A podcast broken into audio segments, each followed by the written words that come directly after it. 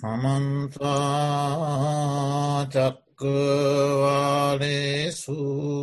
අත්‍රා ගච්ඡන්තු දේවතා සද්ධම්මං මුනිරාජස්ස සුනන්තු සග්ගමොක්කදං දම්මස් සවන කාලෝ අයං බදන්තා ධම්මස් සවන කාලු අයං බදන්තා ධම්මස් සවන කාලු අයං බදන්තා නමෝතස්ස භගවතු අරතු සම්මා සම්බුද්දස්ස නමෝතසස භගවතු අරහතු සම්මාබුද්දස්ස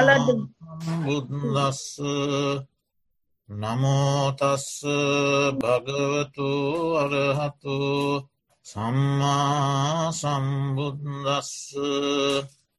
යානිසෝතානි ලෝකස්මින් සතීතේ සංනිවාරණං සෝතානං සංවරංභූමි පඤ්ඥායේතේ පිතියරේති ශ්‍රද්ධාවන්ත කාරුණික පින්වතුනි ටෙක්සාස් බෞද්ධ භාවනා මධ්‍යස්ථානය මගින් සතියන්ත සෙනසුරාදා ඔබේ දහම් දැනුම පිණිස දේශනා කරනු ලබන ධර්මදේශනා මාලාවෙහි තවත් එක් ධර්ම දේශනාවකට සවන් දෙන්නයි ඔබ හැම දෙනා මේ මොහොතේ සූදානම් වෙන්නේ. අද ධර්මදේශනාව සඳහා මාතෘකා වශයෙන් තබාගන්ට යෙදුනේ කුද්ධක නිපාතයේ කුද්ධක නිකායේ සුත් නිපාතයට අයත් අජිත සූත්‍ර දේශනාවෙහි හතරවන ගාථා ධර්මය. අපි පසුගිය සතියට පෙර සතියේ මෙම සූත්‍ර දේශනාවෙහි පළමු ගාථා දෙක දේශනා කරන්නට යෙදුණ. අද ධර්මදේශනාවේදී අජීත මානවකතුමා විසින් අසන ලද ප්‍රශ්න කීපයකුත් ඒ ප්‍රශ්නයන්ට බුදුරජාණන් වහන්සේ විසින් දේශනා කොට වදාළ පිළිතුරු දේශනාවත් ඔබට පැහැදිලි කර දෙනවා. ඔහුගේ දෙවනවරට වූ ප්‍රශ්නමාලාව මෙයයි සවන්ති සබ්බදී සෝතා සෝතානංකින් නිවාරණ සෝතානං සංවරං බ්‍රූහි කේන සෝතා පිතියරේ.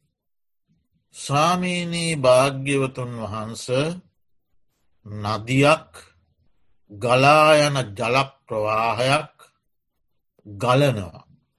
නදිහක් හෙවත් ජලප්‍රවාහයක් ගලනවා. මෙයට ඇති වාරණය වසාදැමීම මේ ගලන බව නැවැත්වීම කුමක්ද. එමෙන්ම මේ නදියට ඇති සංවරය කුමක්ද. කුමකින් මේ ගැලීම මුළුමනින්ම සිඳලා දමන්නේද මේ තමයි ප්‍රශ්නය. නදියක් හෙවත් ජලප්‍රවාහයක් ගලනවා මේට ඇති ආවරණය වැසීම කුමක්ද මෙය සංවර කරන්නේ කෙසේද මෙය මුළු මනින්ම නතර කරන්නේ. සිදලා දමන්නේ කෙසේද කවරකින්ද මේ තමයි ප්‍රශ්නය. බුදුරජාණන් වහන්සේගේ පිළිතුරු දේශනාව සවන්ති සබ්බදී සෝතා සති තේසං නිවාරණ සෝතානං සංවරං භූමී පඤ්ඥා ඒතේ පිතියරි. ඒ තමා පිළිතුර. ඔවු ඔබ කියන ආකාරයට නදිය හෙවත් ජල ප්‍රවාහය සැම තැනකම ගලනෝ. සබ්බදී සැමතැන්හි ගලනවා සවන්ති වැගිරෙනවා. ගලනවා වැගිරෙනවා සැම තැනම මේ ජල ප්‍රවාහය. එතකොට දැම් බලන්ට ඕන ඇපි මේ සබ්බදී කියන වචනය. සැමතැන්හි. කුමක්ද කෙසේද ගලන්නේ. ඒ කාරණය සලකා බැලිය යුතු වෙනවා. සබ්බදී කියන්නේ ඇස කණනාසය දිවකාය මනස. එතකොට ඇසින් රූප විෂයෙහි ගලනවා. කනෙන් සබ්ද විෂයෙහි ගලනවා. නාසයෙන් ගඳසුවඳ විෂයෙහි ගලනවා. දිවෙන් රස විෂයෙහි. කයෙන් ස්පර්ශ විෂයෙහි. මනසිං සිතුවිලි විෂයෙහි. මේ ජලප්‍රවාහය ගලනවා. එතකොට ඊළඟට බලන්ට ඕනේ මේ ගැලීම ආකාර පහයි. සෝතා නැත්තන් නදිය නදිය ජලප්‍රවාහය ආකාර පහයි. ඒ මොනවාද තන්හා නදී එකසිය අටවැදෑරුම් වූ තෘෂ්ණාව. මේ ඇසකණනාසේ දිවකය මනස හරහා රූප සබ්ද ගන්ධරස ස්පර්ශ සිතුවිලි කරා ගලා යනවා. එකසිය අටවැදෑරුම් තෘෂ්ණාව. කාමතන්නා භවතන්හා විභවතන්හා රූපතන්නා සද්ධතන්හා ගන්ධතන්හා රසතන්නා පොට්ටබ්බ තන්හා ධම්මතන්හා අතීත තන්හා වර්තමාන තන්හා අනාගත තන්හා අජ්ජත්තික තන්නා බාහිර තන්නා. ඒකසි අට ඇතුළි තියෙන්නේ ඔය ටික. ඔය තන්හා නදිය ගලන. ඊළඟට දිට්ටි නදිය ගලනවා. දිට්ටි සෝත ජලප්‍රවාහය ශාස්ෘත දිට්ටිය සහ උච්චේද දිට්ටියෙන් මතුව දෙසටක් මිත්‍යා දෘෂ්ටි ඒවා ගලනෝ. තන්නාසෝත දිට්ටි සෝත. ඊළඟට ක්ලේෂ සෝත කෙලෙස් සැඩ පහර. ලෝභ දෝස මෝහ මාන දිට්ටි විචිකිච්චා තීන උද්දච්ච අහිරික අනොත්තප්ප. ඒ දස කෙලෙස් ප්‍රධානව එක්දහස් පන්සිය දහයක් පමණ වූ ක්ලේෂ ගඟ ක්ලේෂ නදිය ගලනවා. ඊළඟට අවිද්‍යාසෝත අවිද්‍යාව දුකෙහි නොදැන්ම දුක්ක සමුදයෙහි නොදැන්ම දුක්ක නිරේදයෙහි නොදැම්ම දුක්ක නිරෝධ ගාමිණී පටිපදාවෙහි නොදැම්ම නොදැක්ම පෙරභවය නොදැක්ම මතු භවය නොදැක්ම පෙර මතු බව දෙකම නොදැක්ම. පටිච්ච සමුපපන්න ධර්මයන් පිළිබඳ නොදැන්ම නොදැක්ම. මේ අවිද්‍යාව. ඒ අවිද්‍යා නදියත් ගලනවා. දැංගතවට නදී හතරයි. තන්හා නදී දිට්ටි නදී අවිද්‍යානදී ක්ලේෂ නදී. ඊළඟට දුච්චරිත නදී. දුෂ්චරිත කාය දුෂ්චරිත ප්‍රාණගාත අදත්තාදාන කාමේසු මිච්චාචාර. දුෂ්චරිත ගංගාව. වචී දුච්චරිත මුසාවාද පිසුනාවාච පරුසාවාච සම්ප්‍රප්පලාප. මනෝදුෂ්චරිත අභිජ්ජා ව්‍යාපාද මිච්චාදිට්ටි. ඔන්න ඔය කියන ලද කෙලෙස් නදිය දුෂ්චරිත නදිය ගලනවා. දැන් නදී පහයි. අවිද්‍යාසෝතෝ දිට්ටිසෝතෝ ක්ලේශසෝතෝ දුෂ්චරිතසෝතෝ තන්හා සෝතු නදී පහයි. මේවා ඇස කණනාසේ දිවකය මනස කියන ඉන්ද්‍රිය හයෙන් රූප සබ්ද ගන්ධරත ස්පර්ශ සිතුවිලි කරා ගලාගෙන යනවා. දැන් මේ නදිය නවත්වන්නේ කොහොමද. මේකට ඇති සංවරය කුමක්ද. මේ නදිය මුල්ලුමනින්ම සිඳදාන්නේ කෙසේද. ප්‍රශ්න තුනක් තියෙනවා. නවත්වන්නේ කොහොමද සංවරය කුමක්ද මුළුමනින්ම සිඳදාන්නේ කෙසේද. පිරිතුර සති තේසං නිවාරණං සෝතානං සංවරං බ්‍රූමි. මේක නවත්තන්නෙත් මේකට ඇති සංවරයක් සතියයි. සති තේසන් නිවාරණ. සෝතානං සංවරම් බ්‍රූමි. සතියෙන් නවත්තනවා සංවර කරන. මොකදද සති කියන්නේ. යා සති අනුස්සති පතිස්සති සති සරණතා ධාරණතා අපිලාපනතා අසම්මුස්සනතා සතින්ද්‍රියන් සති බලං සති බොජ්ජංගං සම්මා සති. අන්න විස්තරය. යම් සතියක් කියන්නේ සිහියක් අවධානයක්. අනුස්සති නැවත නැවත නැවත නැවත සිහිකිරීමේ හැකි සතියක්. බුද්ධානුස්සති දම්මානුස්සති සංගානුස්සති ශ්‍රීලානුස්සති චාගානුස්සති දේවතානුස්සති කායගතා සති උපන උපසමානුස්සති ආනාපාන සති. ඔය තැන්වල යෙදුනේ අනු අනු සති. අන්නු අන්නු සති අනුස් සති. නැවත නැවත සිහිකිරීම අනුස්සතිය. එතෝට ඒ විදි අනුස්සතියක්. ඒ අනුස්සතියනුත් මේ ජලප්‍රවාහනය වලක් වන. ආවරණය කරනවා. පහලට ගලන්න නොදී නවත්වනවා. යම් සතියක් අනුස්සතියක්. ඊළඟට පතිස්සති.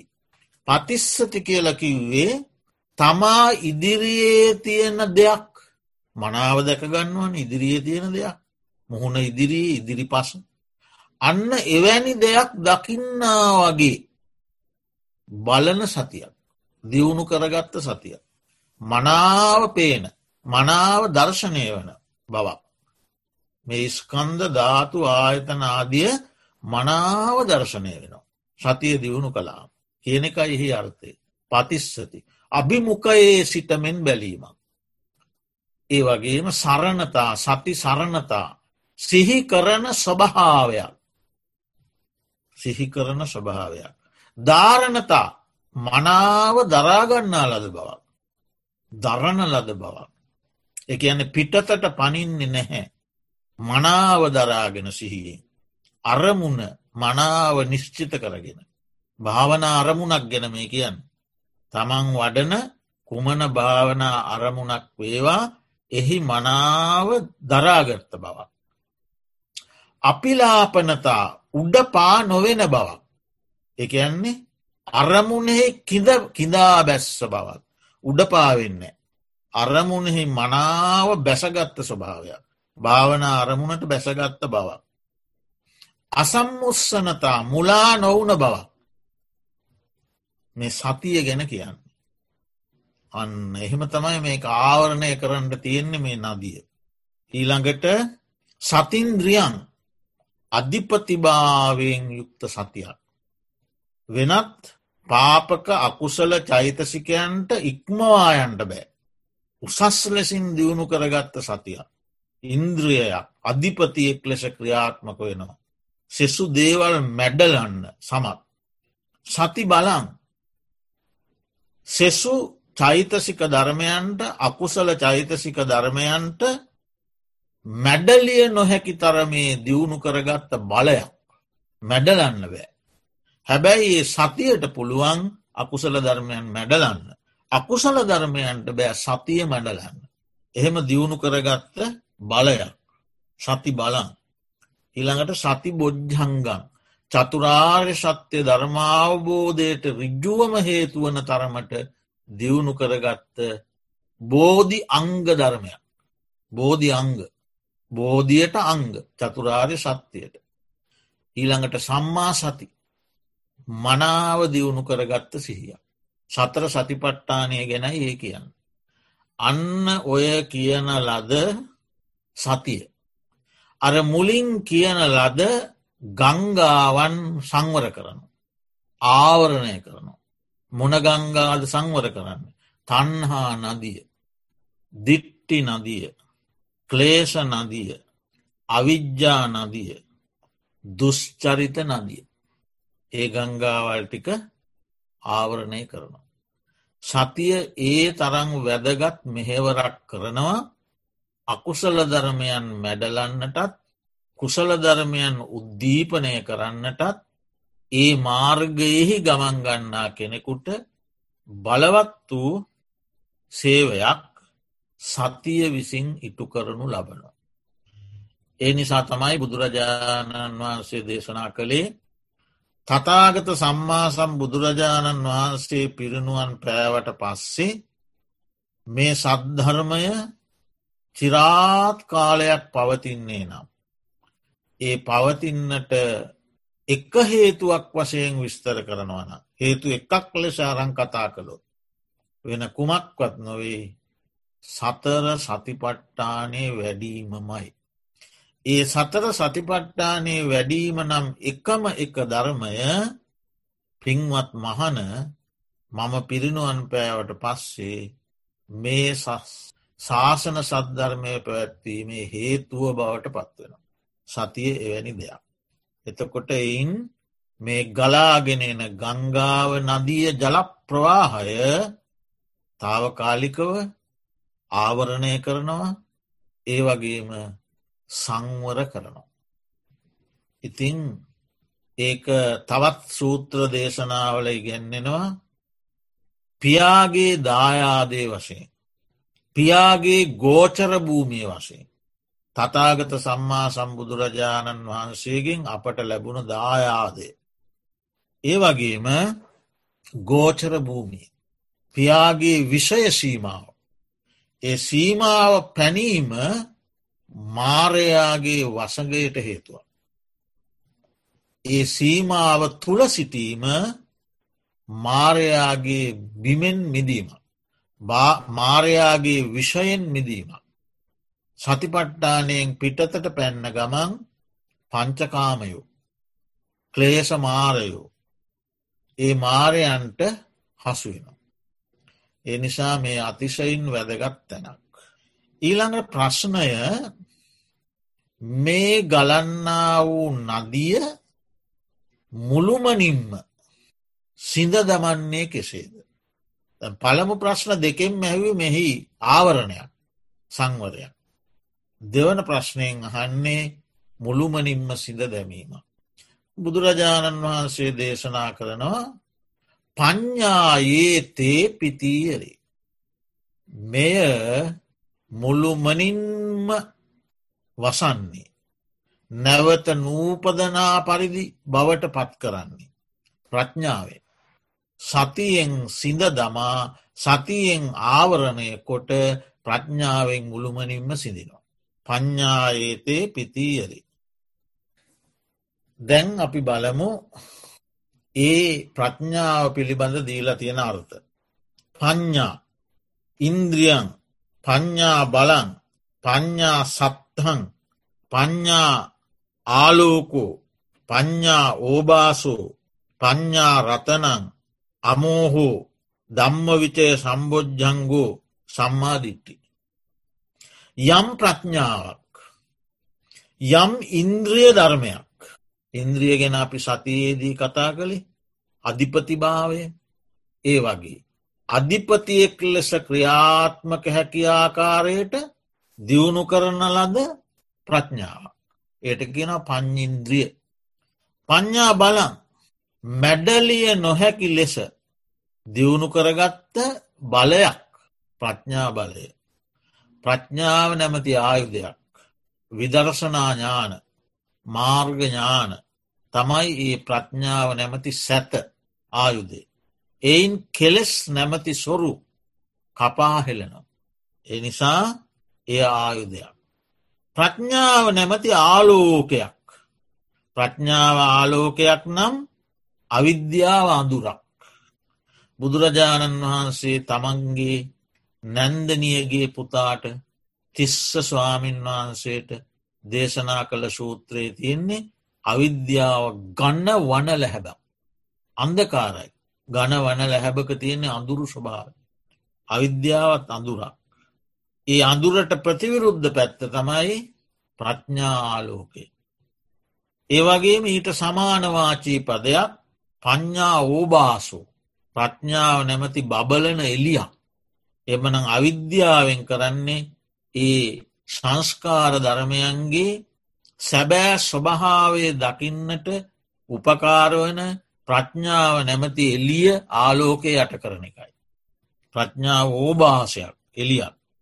පඤ්ඥා රතනං අපි රතන කියන වචනය පාවිච්චි කරනවා බුද්ධ රත්න ධම්මරත්න සංගරත්න. ඒ වගේ ප්‍රඥාවත් රතනයක්. අමෝහ නම් වූ අකුසල මූලයක්. අමෝහ නම් වූ කුසල මූලයක්. මෝහය අකුසල මූලයක් ඒ අකුසල මූලය මැඩලන අමෝහ නම් වූ කුසල මූලයක් ප්‍රඥාව. දම්ම විචය සම්බෝජ්ජංගයක් සති සම්බෝජ්ජන්ගේ ළඟට තිබෙන බොජ්ජංග ධර්මය. යමක් සිහියෙන් අරමුණට මනාව පිමිසියම් පස්සේ ඒ අරමුණ නොයෙක් නොයෙක් ආකාරයෙන්. අනිත්‍ය දුක්ක අනාත්ම අසාර අසුභ ආදී වශයෙන් විමසා බලන ස්වභාවයට කියනවා දම්ම විචය කියලා. සතියෙන් සිත අරමුණේ පිහිටවාගෙන දම්ම විචයෙන් අරමුණ විමසනවා. ඒ කුසල පක්ෂයේ බලවත් වූ චේතනාවක් දම්ම විච්චය. ඒත් ප්‍රඥාව. සම්මාධිට්ටි දුක්කේ ඥානන් දුක්ක සමුදයේ ඥානං දුක්ක නිරෝධය ඥානං දුක්ක නිරෝධ ගාමිණී පටිපදා ඥානං යන චතුරාර්ය සත්‍ය ධර්මයන් පිළිබඳව දැනගන්නා වූ දර්ශනය. චතුරාර්ය සත්‍යය දර්ශනයවීමක් සම්මාධිට්ටි. ඒ ඔක්කෝම අයිති වෙන්නේ ප්‍රඥා චෛතසිකයට. එතකොට මේ සියලුම කරුණුවල තියෙන්නේ විදර්ශනාව සහ මාර්ගය. අනිත්‍ය දුක්ක අනාත්ම වසයෙන් විදර්ශනා කිරීමත් ඒ විදර්ශනා කිරීම තුළින් මාර්ගයට බැස ගැනීම. තමයි මේ ප්‍රඥාවෙන් කරනු ලබන්නේ. එතකොට තවදුරටත් මේ සතියේ පිහිටලා ඇසකණනාසේ දිවකය මනස යන ඉන්ද්‍රිය හරහා රූපසබ්ද ගන්ධරස ස්පර්ස සිතුවලි ඔස්සේ ගලාගෙන යනු ලබන මේ ජලප්‍රවාහයන් තාවකාලිකෝ නතරකොට ඒට බැම්මක් බැඳ එය ආවරණය කොට තවදුරටත් ප්‍රඥාවෙන් විමසනවා. සතියෙන් කළ යුතු කාර්ය සතියෙන් කරලා දෙනවා ප්‍රඥාවෙන් විමසනවා. ත්‍රයිභූමික සංස්කාරයෝ රූපභූමි කාමභූමි රූපභූමි අරූපි භූමි. ත්‍රයිභූමික භූමි තුනයි. කාමාවච්චර භූමි රූපාවචර භූමි අරූපාවචර භූමි. ඒත් ත්‍රයිභූමික සංස්කාරයන්ම අනිත්‍ය වශයෙන් බලනවා. දුක්ක වශයෙන් බලනවා. අනාත්ම වශයෙන් බලනවා. ත්‍රිලක්ෂණයට ගොුණු කරගෙන බලනවා. ඒ බැලීම ප්‍රඥාවන්ත වීමට නැත්නම් ප්‍රඥාව තිවුණු කර ගැනීමට. ඒ කරන්නෙත් ප්‍රඥාවෙන් තමයි. ඒ බලන කෙනා තුළ තිබෙන්නෙත් ප්‍රඥාවමයි. තවතවත් එසේ බලද්දී ප්‍රඥාව හොඳීන් තිවුණුව දැකගණ්ඩ ලැබෙනවා. එ ත්‍රිලක්ෂණ ක්‍රමය. එපමණක් නොවෙයි. ඉදන් දුක්කන්ති අයන් දුක්ක සමුදයෝති අයන් දුක්ක නිරෝධෝති අයං දුක්ක නිරෝධ ගාමිණී පටිපදාති. එහෙමත් බලනවා. මේ දුකයි ජාතිය ජරාව ව්‍යාදිය මරණය සෝකය පරිදේවය දුක්කය දෝමනස්සය අප්‍රිය සම්පයෝගය ප්‍රිය විප්පයෝගය සෝකය පරිදේව උපායාසය. මේවා. එපමණක් නොවේ. සංකිත්තේන පංචුපාදානක් කන්දහ දුක්කා රූපූපදානක් කන්දය වේදනූපාදානක් කන්දය සංඥූපාදානක් කන්දය සංකාරූපාදානක් කන්දය විඤ්ඥානූපාදානක් කන්දේ. ස්කන්ද පහ. ඒව බලනවා දුක් වශයෙන් ඉදන් දුක්කන්ති මේ දුකා. අයන් දුක්ක සමුදයෝති මේ දුක ඉපදුනේ පූර්ව බව තෘෂ්ණාව නිසා. වර්තමානයේ දුක් උපදින්නෙත් තෘෂ්ණාව නිසා. කියලා ඒ තෘෂ්ණා දුක්ක සමුදය බලනවා. අයන් දුක්ක නිරෝධෝති මේ දුක නිරුද්ධවීමයි කියලා දුකෙහි නිරුද්ධවීම බලනවා. දුක හටගන්නේ තෘෂ්ණාව නිසා නම් දුක නිරුද්ධ වන්නේ තෘෂ්ණා නිරෝධයෙන් කියල තේරුම් ගන්න. තේරුම් අරගෙන තෘෂ්නා නිරෝධය සඳහා අවශ්‍ය කටයුතු කරනවා. අයං දුක්ක නිරෝධ ගාමිනී පටිපදාති.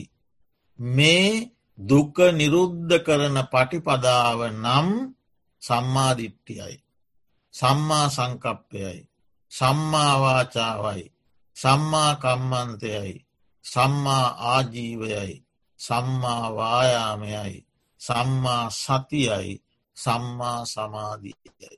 එහෙම බලනවා දුක නිරුද්ධ කරන මාර්ගය. එතකොට අන්නේ චතුරාර් සත්‍ය ක්‍රමයට විම සද්ධි. චතුරාර්ය සත්‍ය ක්‍රමයට විමස විමසා විමස විමසා බැලීම ප්‍රඥාව.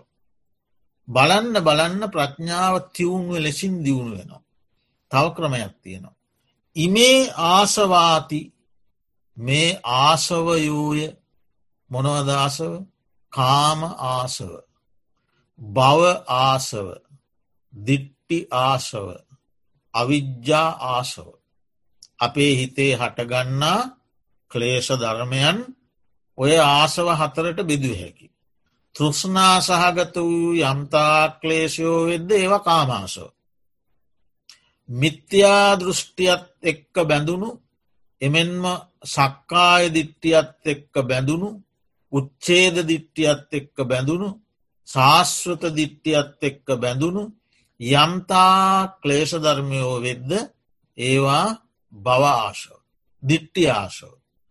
කාම බව රූප බව අරූප බව භවනිශ්‍රිත යම්තා බව ආශාවන් භවයන්නේ නැවත නැවත සැරිසැරීමේ අවශ්‍යතා මුල් කොටගෙන හටගන්නා වූ යම්තා කාසවූ වෙද්ද ඒවා බව ආශව.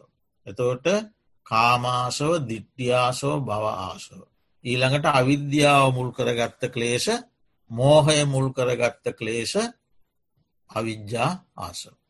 එතවට ඒ විදියට හිතේ හටගන්නායේ හැඟීම් ඒ චේතනා ආසව ක්‍රමයට බෙදලා. ඉමේ ආසවාති මේ ආසවයෝය ඉමේ ආසව සමුදයෝති මේ ආසවයන් හටගන්නා ආකාරය අයං ආසව නිරෝධෝති මේ ආසවයන්ගේ නිරුද්ධවීමය අයං ආසව නිරෝධ ගාමිණී පටිපදාති මේ ආශ්‍රවයන් නිරුද්ධ කරන්න වූ ප්‍රතිපදාවය කියලා. අර චතුරාර්ය සත්‍ය ක්‍රමයටම තමයි. චතුරාර්ය සත්‍යය බලන ක්‍රමයටම ආසව බලනවා. එසේ ආසව ක්‍රමයෙන් බලන්න බලන්න බලන්න බලන්න විමසන්න විමසන්න ප්‍රඥාව දියුණු වෙනවා. සතියත් දියුණු වෙනවා. ධම්ම විචය සම්බෝජ්ජංගයක් දියුණු වෙනවා. අනුන්ගේ උත්සාහයකින් තොරව ස්ව උත්සාහයෙන් යුක්තය විමසනකොට වීර්යත් දියුණු වෙනවා.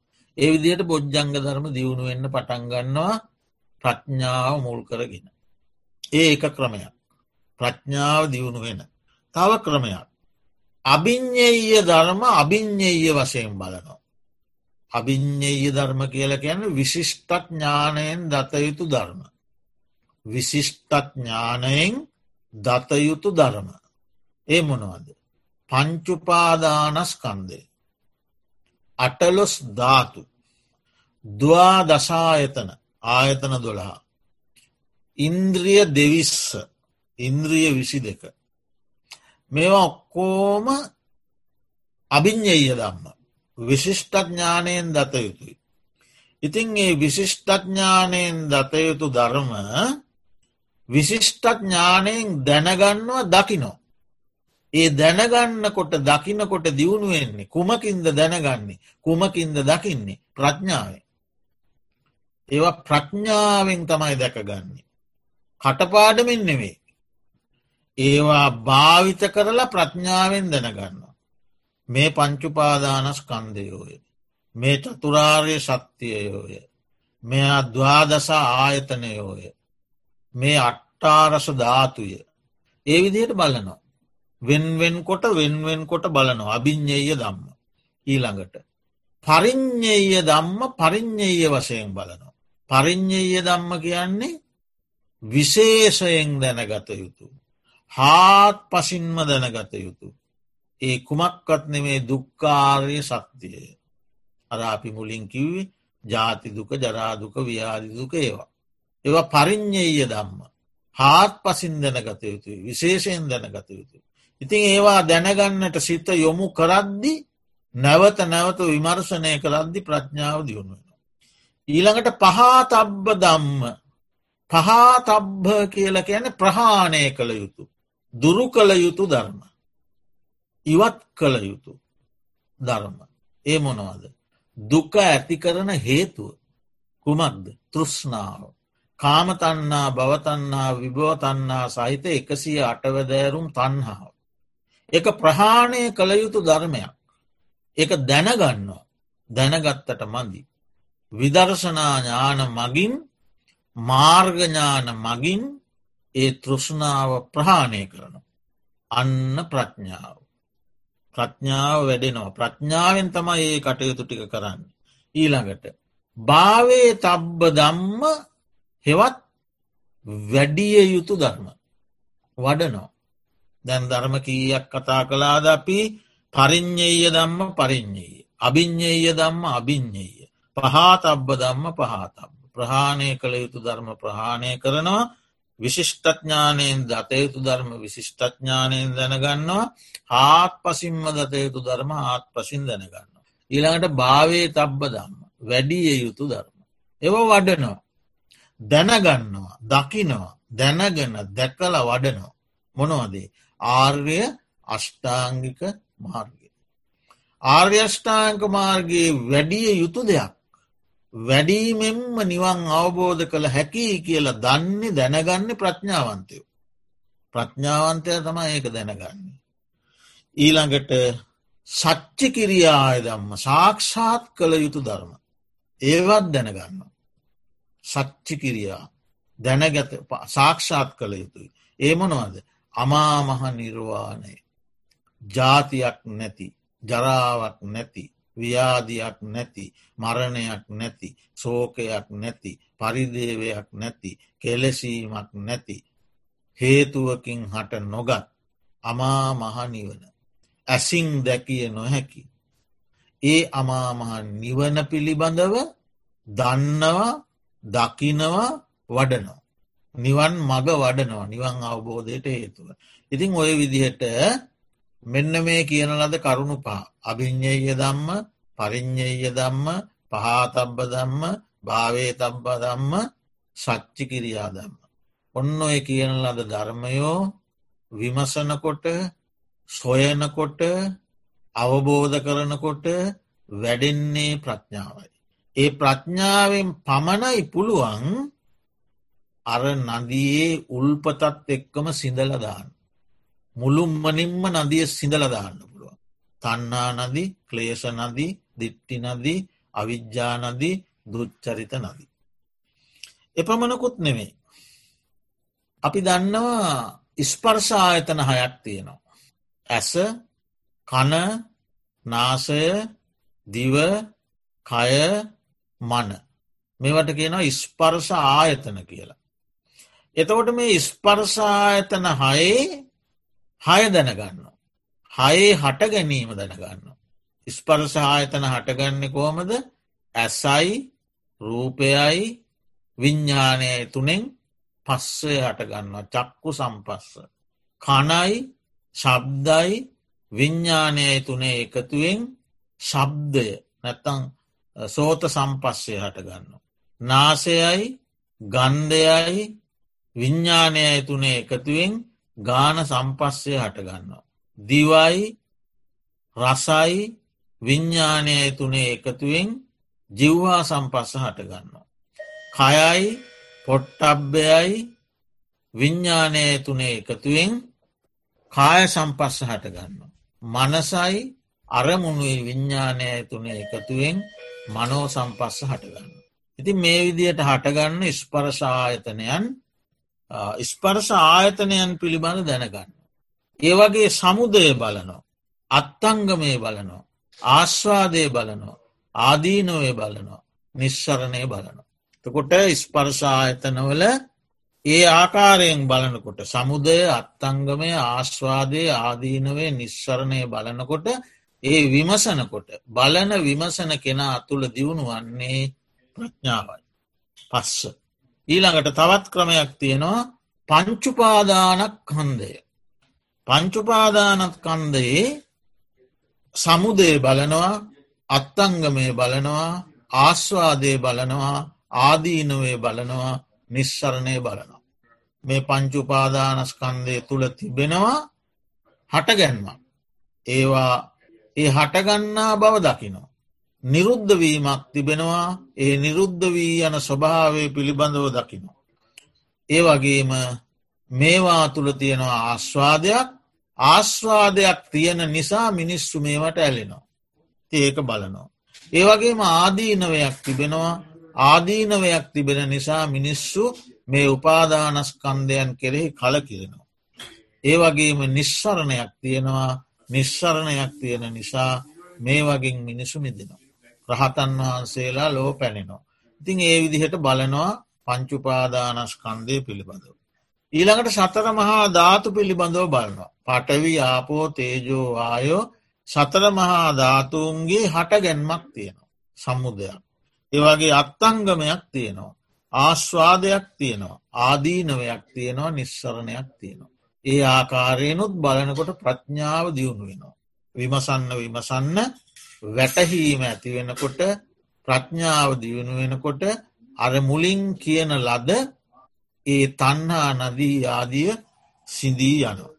දැන් බුදුරජාණන් වහන්සේ දේශනා කරනවා මෙන්න මේ විදිහටයි යම් කෙනෙක්කුට අවශ්‍ය නම් ප්‍රඥාව සිඳින්න අවශ්‍ය නම් මේ නදිය වියලන්න අවශ්‍ය නම් වෙනත් මාවතක් නෑ ඇත්තේ මේ එක්ම මාවතක් පමණයි ඒ මාවත බුදුරජාණන් වහන්සේ ඔහුට දේශනා කලා අජිතමානෝකතුමාට. ඉතිං අපිත් අද දවසේ මෙතෙක් වෙලා මේ ධර්මශ්‍රවනය කිරීම තුළින් උපදවාගත්ත කුශල ශක්තිය අපටත් ඉතා ඉක්මන් භවයකදීම මේ කියන ලද නදී වියලමින් ප්‍රඥාව වඩහා වර්ධනය කරගෙන ඉතා ඉක්මන් භවයකදීම පාර්ථනී බෝධියකින් උතුම් නිවනින් සැනසුම පිණිස හේතුවේවා වාසනාවේවා උපනිශ්‍රයවේවා කියන පාර්ථනාවෙන් යුක්තව දෙවියන්ට ඥාතීන්ට පින් අනුමෝදන් කරමු.